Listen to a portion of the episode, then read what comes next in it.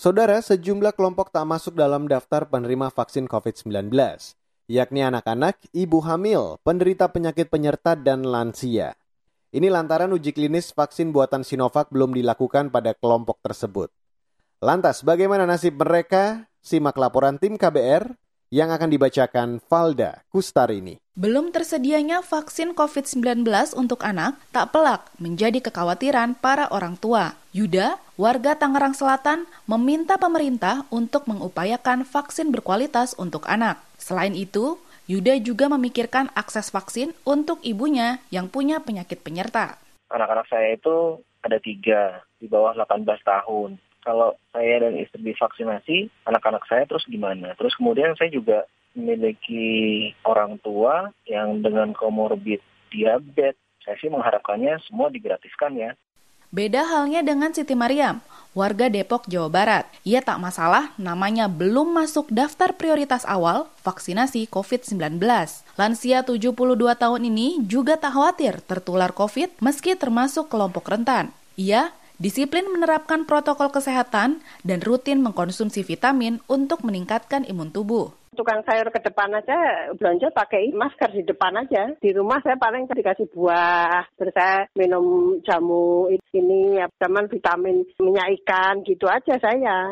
Tiap hari saya minumnya itu-itu aja gitu. Vitamin mesti ada saya. Mariam tentu tak menolak jika nantinya ada vaksin gratis untuk lansia, asalkan keamanan dan kualitasnya sudah teruji. Alhamdulillah kalau saya senang nggak bayar gitu. Namanya dapat gratisan kalau tapi yang suntikannya itu yang benar-benar manfaat. Jangan sampai gratis nanti kita disuntik sakit. Nah, kita kan malah berabe kan. Penderita penyakit ginjal juga dipastikan tak ikut gerbong awal vaksinasi COVID-19.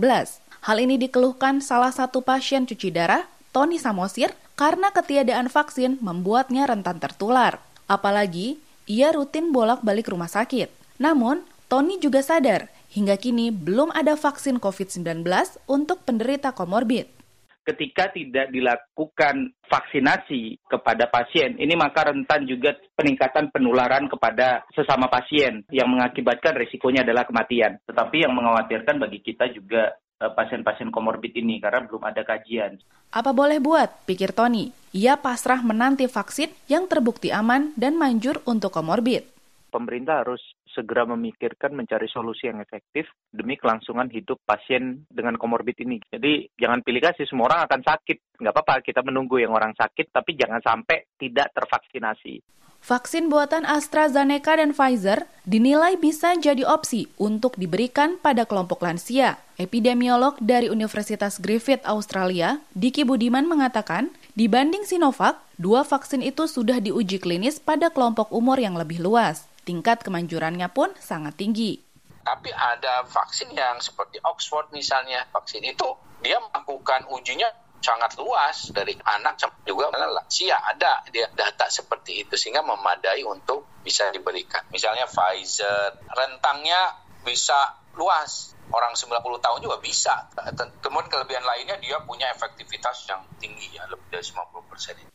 Sayangnya, belum ada vaksin yang cocok untuk penderita komorbid karena jauh lebih beresiko. Diki menilai mereka tak perlu ikut vaksinasi awal alokasinya sedikit. Kemudian juga artinya harus dilakukan skala prioritas. Kemudian tergantung dari jenis vaksin nanti yang kita putuskan yang mana itu, yang artinya tidak akan merugikan orang yang komorbid. Yang saat ini kondisinya membuat mereka akhirnya harus di urutan belakang. Ahli biologi molekuler Ahmad Rusyan Utomo menyebut ada kendala keterbatasan logistik jika pemerintah hendak memesan vaksin Pfizer dan juga Moderna. Kendala itu tak terjadi di vaksin AstraZeneca, tapi dari sisi kemanjuran prosentasenya lebih rendah. Kalau dari efikasi, Moderna dan Pfizer tentu sangat tinggi ya, di atas 60 persen. Akan tetapi dari sisi penyimpanan tidak mudah, minus 20, minus 80, gitu. hanya kota-kota besar saja yang bisa. Kalau AstraZeneca itu mungkin bisa, karena kan efikasinya di atas 50 persen lah gitu, standar WHO. Dan itu juga lumayan, artinya penyimpanan di suhu 4 derajat juga bisa gitu. Nah, itu bisa di, dipertimbangkan. Ahmad berpendapat target kekebalan komunitas atau herd immunity sulit tercapai jika hanya mengandalkan vaksinasi. Pasalnya, Vaksin COVID-19 tak dirancang untuk mencegah penularan. Itu sebab disiplin protokol kesehatan dan strategi pengetesan, pelacakan, dan penanganan tetap harus digencarkan kalau memang vaksin ini belum bisa menghentikan penularan, berarti herd immunity-nya tidak akan sempurna. Jadi herd immunity yang biasanya kita andalkan dari vaksin tetap harus membutuhkan apa disebut dengan 3T dan 3M. Kita belum bisa membuktikan bahwa vaksin ini bisa menciptakan herd immunity secara mudah.